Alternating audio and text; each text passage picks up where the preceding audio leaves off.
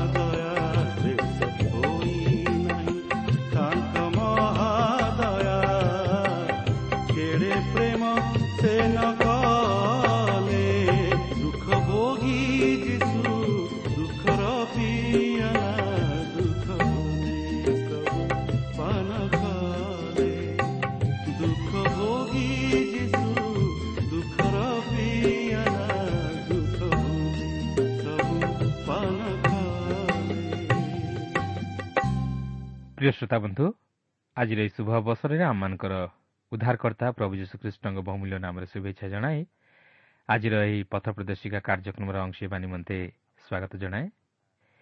ଆପଣଙ୍କର ସହଯୋଗ ତଥା ମତାମତ ଓ ହୃଦୟସ୍ପର୍ଶୀ ସାକ୍ଷ୍ୟ ନିମନ୍ତେ ବିଶେଷ ଧନ୍ୟବାଦ। ଆପଣ ଥରକୁ ଥର ପତ୍ର ମାଧ୍ୟମରେ ଆମ ସହ ଯୋଗାଯୋଗ କରି ଆସୁଥିବାର ଜାଣି ଆମେ ବିଶେଷ ଖୁସି।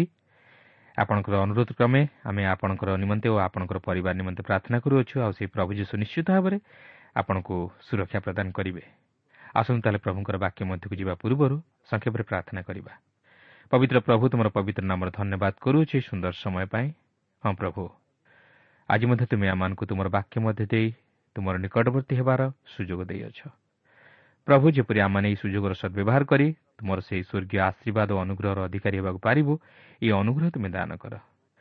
ତୁମର କାର୍ଯ୍ୟକ୍ରମ ମଧ୍ୟ ଦେଇ ପ୍ରଭୁ ତୁମର ପବିତ୍ର ଉପସ୍ଥିତି ଆମମାନଙ୍କୁ ଉପଲବ୍ଧି କରିବା ପାଇଁ ଦିଅ। ତୁମର ଇଚ୍ଛା ତୁମେ ଆମମାନଙ୍କ ଜୀବନରେ ସଫଳ କର। ପ୍ରତ୍ୟେକ ଶ୍ରୋତାବନ୍ଧୁମାନଙ୍କୁ ପ୍ରଭୁ ତୁମର ସୁରକ୍ଷା ଆଉ ତୁମର ଆଶୀର୍ବାଦର ବାହୁଛା ତଳେ ତୁମେ ଆବରି ରଖ। ଏହି ସମସ୍ତ ପ୍ରାର୍ଥନା ପ୍ରିୟ ପ୍ରଭୁ ଯୀଶୁଙ୍କ ନାଁରେ ମାଗୁଅଛୁ।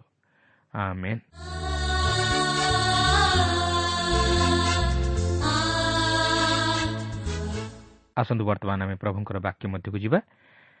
ଆଜି ଆମେ ଦ୍ୱିତୀୟ ବିବରଣ ଚଉଦ ପର୍ବର ପ୍ରଥମ ପଦରୁ ଆରମ୍ଭ କରି ଷୋହଳ ପର୍ବର ଚାରିପଦ ପର୍ଯ୍ୟନ୍ତ ଅଧ୍ୟୟନ କରିବା ନିମନ୍ତେ ଯିବା। ବର୍ତ୍ତମାନ ଆମେ ଦେଖିବାକୁ ଯିବା ଯେ କେଉଁ ପ୍ରାଣୀକୁ ଭୋଜନ କରିବାକୁ ଓ କେଉଁ ପ୍ରାଣୀକୁ ଭୋଜନ ନ କରିବାକୁ ଈଶ୍ୱର ଆଜ୍ଞା ଦେଇଥିଲେ ଯାହାକି ସୂଚି ଓ ଅସୂଚି ପଶୁ ମଧ୍ୟରେ ପାର୍ଥକ୍ୟତା ଦର୍ଶାଏ। ଦେଖନ୍ତୁ ଦ୍ୱିତୀୟ ବିବରଣ ଚଉଦ ପର୍ବର ତିନି ପଦରୁ ଛଅ ପଦ ମଧ୍ୟରେ ଲେଖା ଅଛି ତୁମ୍ଭେ କୌଣସି ଘୃଣାଯୋଗ୍ୟ ଦ୍ରବ୍ୟ ଭୋଜନ କରିବ ନାହିଁ।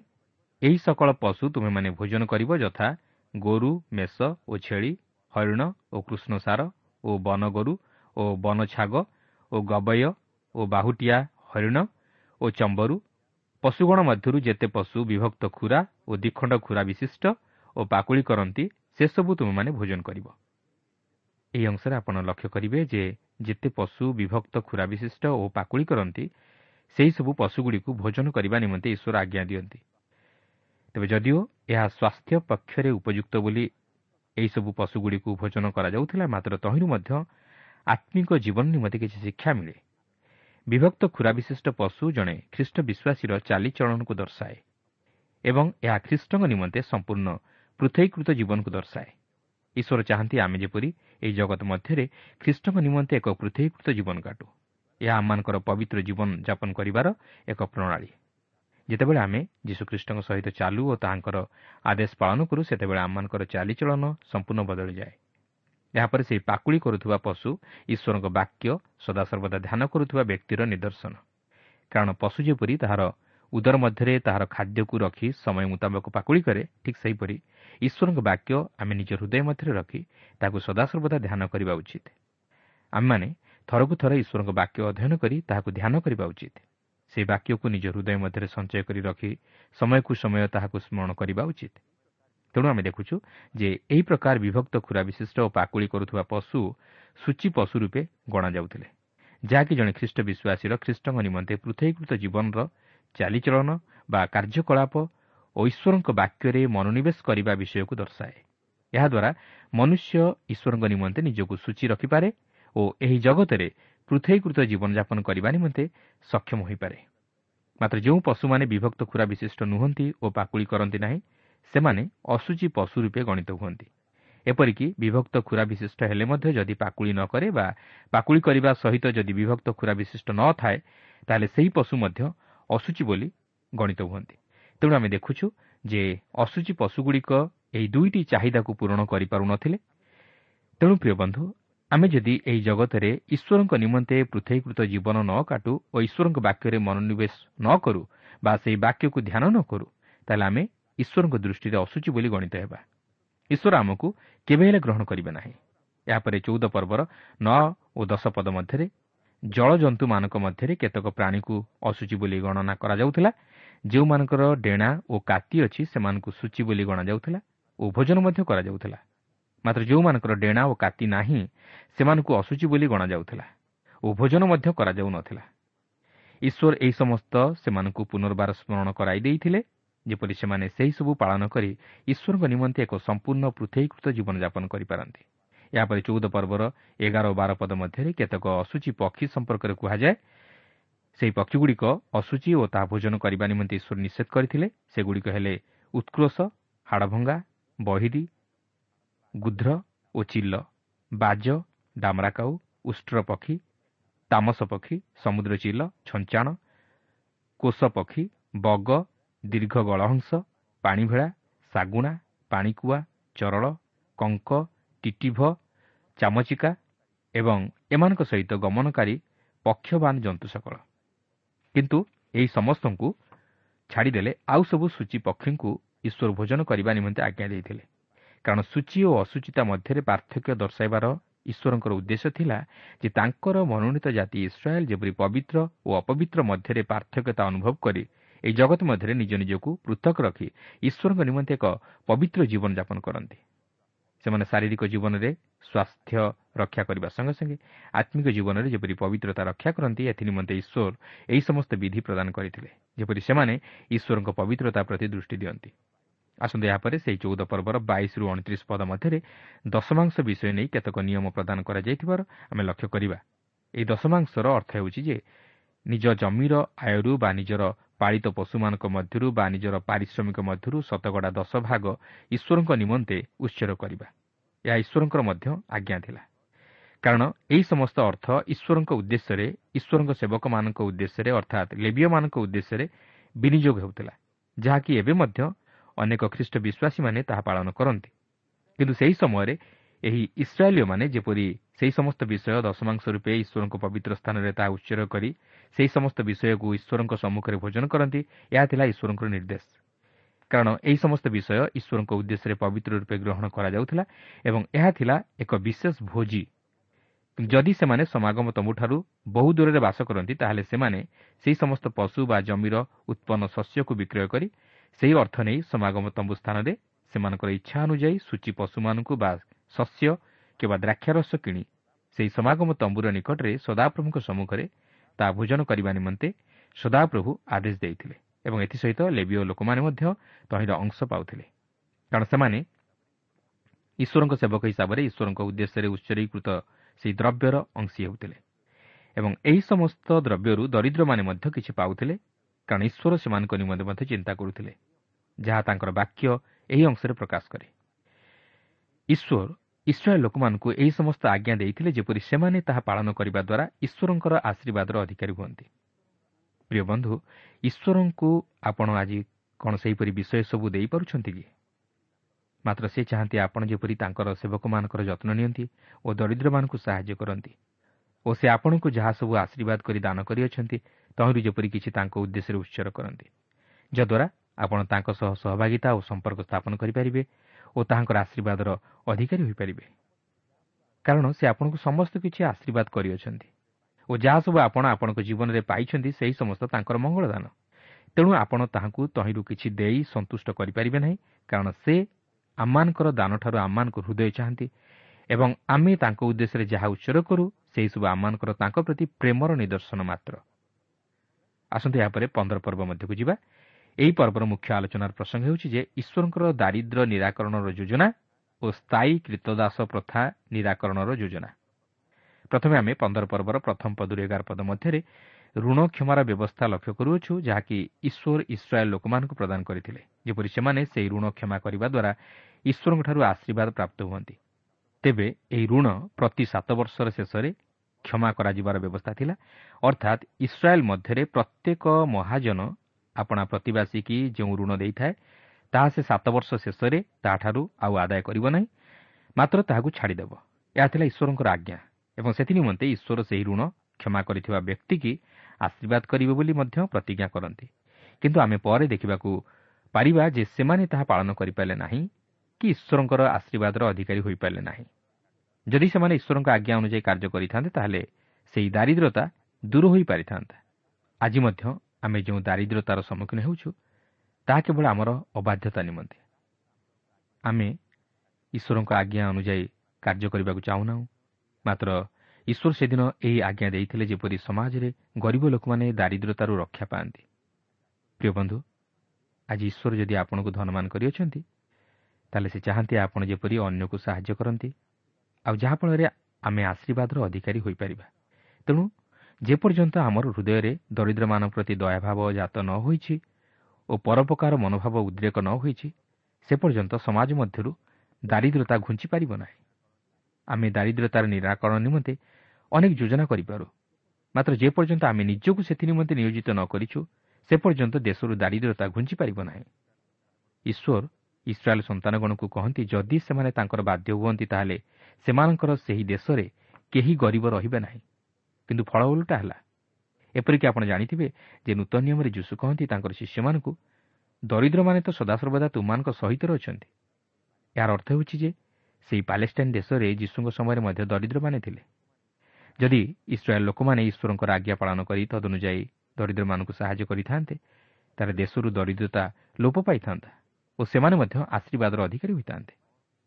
ତେବେ ସେହି ସମସ୍ୟା କ'ଣ ଆଜି ଆମମାନଙ୍କ ଦେଶରେ ଦେଖାଯାଉ ନାହିଁ କି ହଁ ନିଶ୍ଚୟ କିନ୍ତୁ କ'ଣ ପାଇଁ ଆମମାନଙ୍କର ଅବାଧ୍ୟତାର ଜୀବନ ନିମନ୍ତେ ଓ ଈଶ୍ୱରବିହୀନ ଜୀବନ ନିମନ୍ତେ ଏହାପରେ ପନ୍ଦର ପର୍ବର ତେର ଓ ଚଉଦ ପଦରେ ଆଉ ଏକ ବିଷୟ ଆମେ ଦେଖିବାକୁ ପାଉ ତାହା ହେଉଛି ଇସ୍ରାଏଲ୍ ଜାତି ମଧ୍ୟରେ କୌଣସି ପୁରୁଷ କିମ୍ବା ସ୍ତ୍ରୀ ଯଦି ଛଅ ବର୍ଷ ଦାସ୍ୟକର୍ମ କରେ ତାହେଲେ ସେ ସପ୍ତମ ବର୍ଷରେ ମୁକ୍ତ କରାଯିବ ଏହା ଥିଲା ଈଶ୍ୱରଙ୍କର ଆଜ୍ଞା ଏବଂ ସେହି କୀର୍ତ୍ତଦାସ ଶୂନ୍ୟ ହସ୍ତରେ ପଠାଯାଉନଥିଲା ମାତ୍ର ସେ ମଧ୍ୟ ତାହାର ସେହି କର୍ତ୍ତାଙ୍କଠାରୁ ଯଥେଷ୍ଟ ପରିମାଣରେ ଦ୍ରବ୍ୟ ନେଇ ବିଦାୟ ନେବାକୁ ଥିଲା ଓ ଏଥିନିମନ୍ତେ ମଧ୍ୟ ତାହାର କର୍ତ୍ତା ଆଶୀର୍ବାଦ ପ୍ରାପ୍ତ ହେବ ବୋଲି ଈଶ୍ୱର ପ୍ରତିଜ୍ଞା କରିଥିଲେ କିନ୍ତୁ ସେହି ଦାସ ଯଦି ତାହାର ସେହି କର୍ତ୍ତାଙ୍କ ନିକଟରେ ରହି ସଦାସର୍ବଦା ଦାସ୍ୟକର୍ମ କରିବ ବୋଲି ଇଚ୍ଛା କରେ ତାହେଲେ ସେ ସେହି ସପ୍ତମ ବର୍ଷରେ ମୁକ୍ତ ନ ହୋଇ ସଦାସର୍ବଦା ତାହାର କର୍ତ୍ତାର ଦାସ ହୋଇ ରହିବ ଓ ତାହାର କର୍ତ୍ତା ଏକ ବିନ୍ଧଣୀ ନେଇ କବାଟରେ ତାହାର କର୍ଣ୍ଣ ବିନ୍ଧିବ ତହିଁରେ ସେ ସଦାସର୍ବଦା ତାହାର ଦାସ ହୋଇ ରହିବ।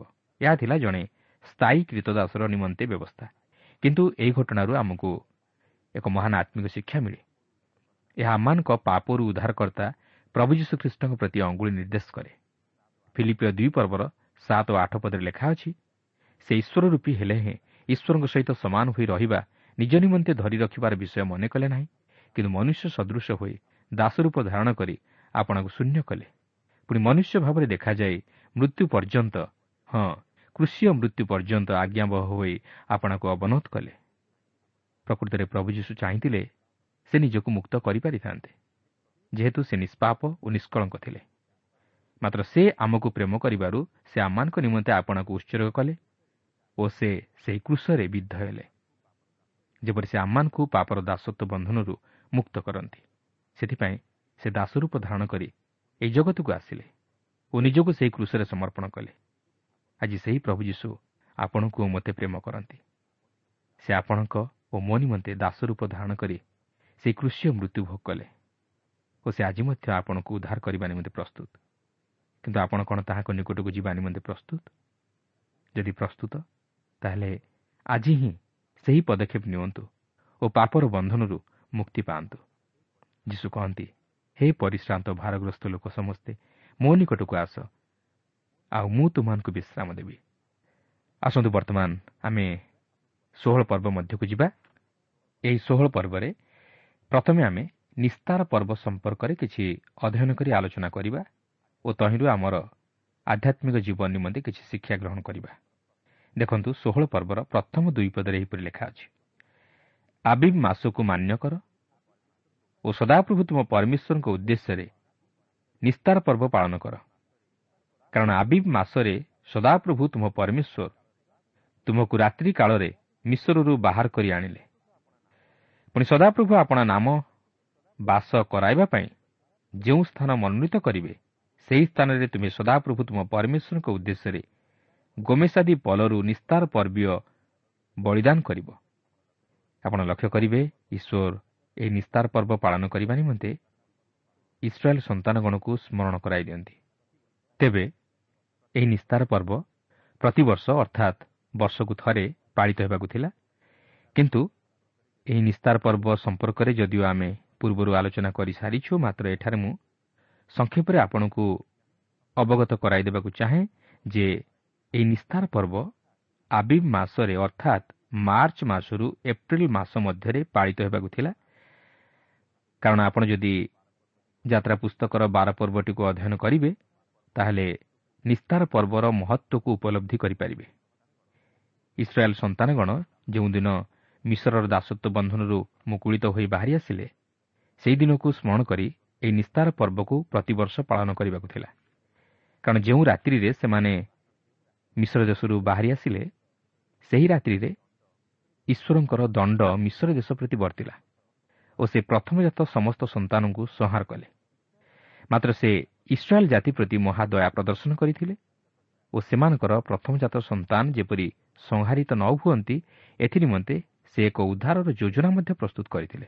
ତାହା ହେଉଛି ଯେ ସେମାନେ ପ୍ରତ୍ୟେକ ଏଥିନିମନ୍ତେ ଏକ ଏକ ମେଷ ଶାବକ ବଦ୍ଧ କରି ଆପଣା ଆପଣାର ଗୃହରେ ଭୋଜନ କରିଥିଲେ ଓ ସେହି ମେଷ ଶାବକର ରକ୍ତ ନେଇ ନିଜ ନିଜ ଗୃହ ଦ୍ୱାରର ଦୁଇ ବାଜୁବନ୍ଧ ଓ କପାଳି ଉପରେ ତାହା ଲଗାଇଲେ। ଯେଉଁ ଯେଉଁ ଗୃହରେ ସେହି ରକ୍ତ ଚିହ୍ନ ଥିଲା ସେହି ସମସ୍ତ ଗୃହକୁ ଛାଡ଼ି ବାକି ଅନ୍ୟ ସବୁ ଗୃହରେ ଥିବା ପ୍ରଥମଜାତ ସନ୍ତାନମାନଙ୍କୁ ହତ୍ୟା କଲେ।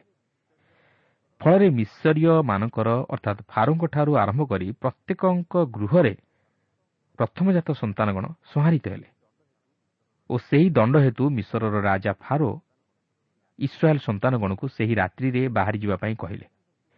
ତେଣୁ ସେହି ଦିନକୁ ସ୍ମରଣ କରି ପ୍ରତିବର୍ଷ ଇସ୍ରାଏଲ୍ ସନ୍ତାନଗଣ ସେହି ନିସ୍ତାର ପର୍ବ ପାଳନ କରିବାକୁ ଥିଲା।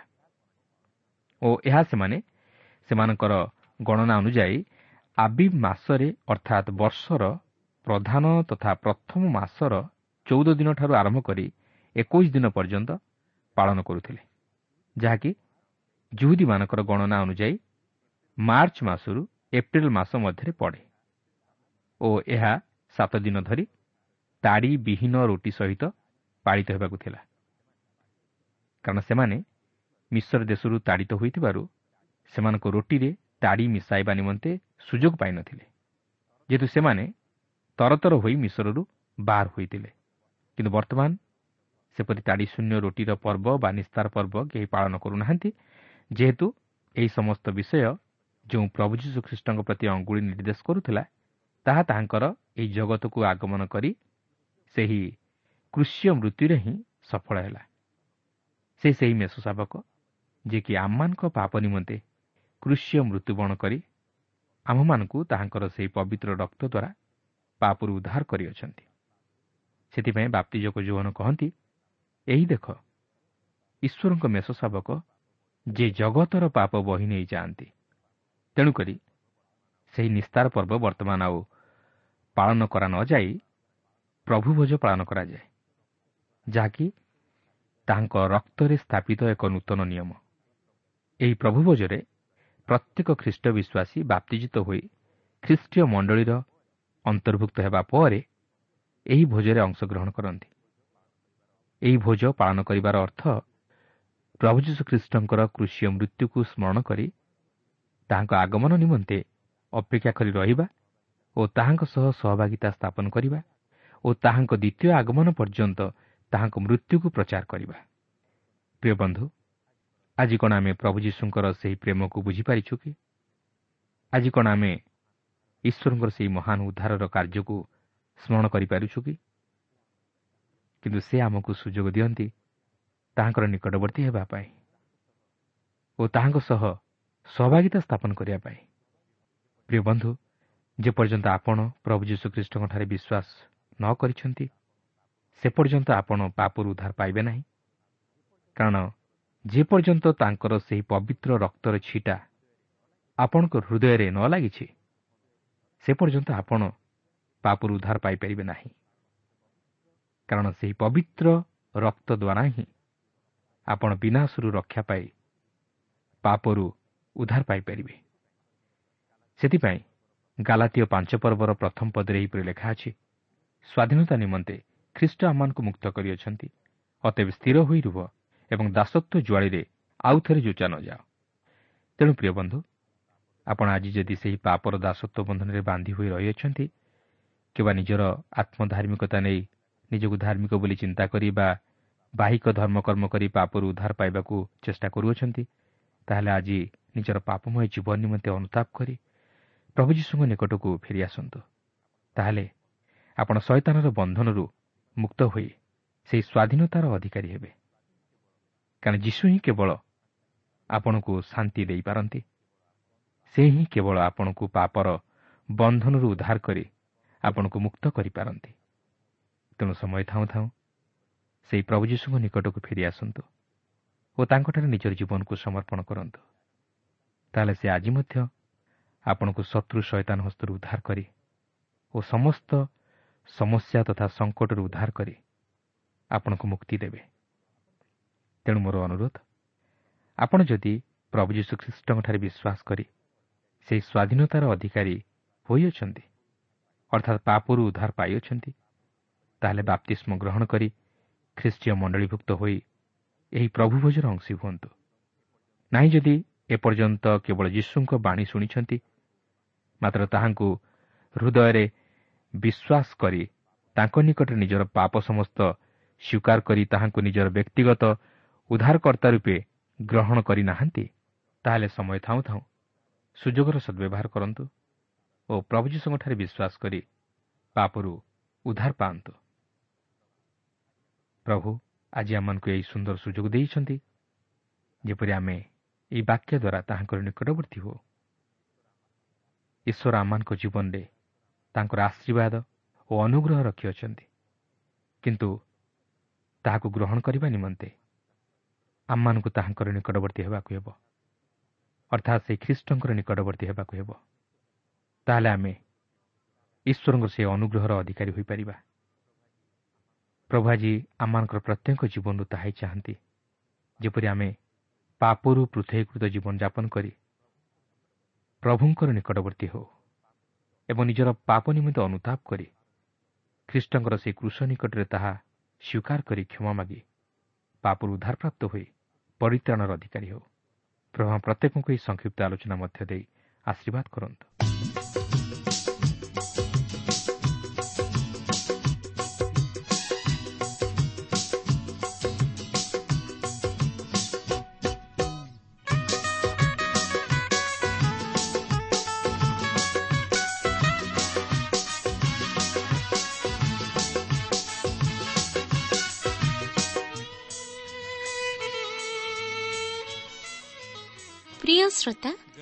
ଆମର କାର୍ଯ୍ୟକ୍ରମ ନିୟମିତ ଶୁଣୁଥିବାରୁ ଅଶେଷ ଧନ୍ୟବାଦ। ଆପଣ ଏହି କାର୍ଯ୍ୟକ୍ରମ ଶୁଣିବା ଦ୍ୱାରା ଆତ୍ମିକ ଜୀବନରେ ଉପକୃତ ହୋଇପାରିଥିବେ ବୋଲି ଆମର ବିଶ୍ୱାସ। ପ୍ରଭୁ ଯୀଶୁଙ୍କ ବିଷୟରେ ଅଧିକ ଜାଣିବାର ଆଗ୍ରହ ଥିଲେ ଅଥବା ଉପାଦେୟ ପୁସ୍ତକର ଆବଶ୍ୟକ ଥିଲେ ଆମ ସହ ଯୋଗାଯୋଗ କରନ୍ତୁ।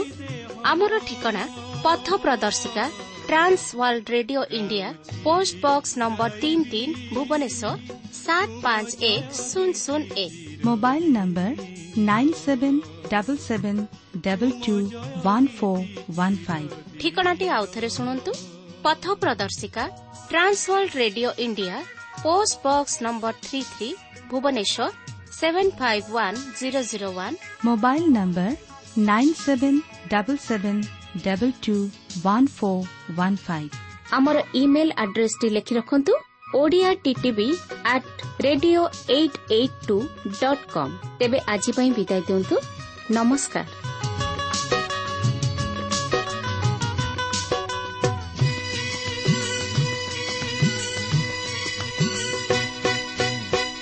ଆସୁ ପଛେ ଦୁଃଖ ରାଶି ଅନ୍ଧକାର ରାତି ରଖିଥିବି ମୁଁ ଯେ ଆଶା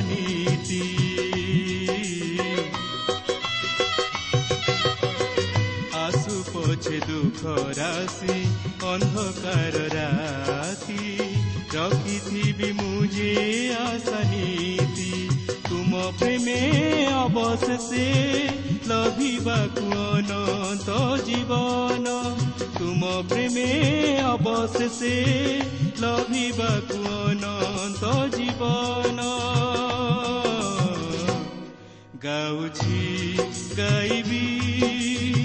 তুম জয় গীতি চিরদিন তুম জয় গীতি চিরদিন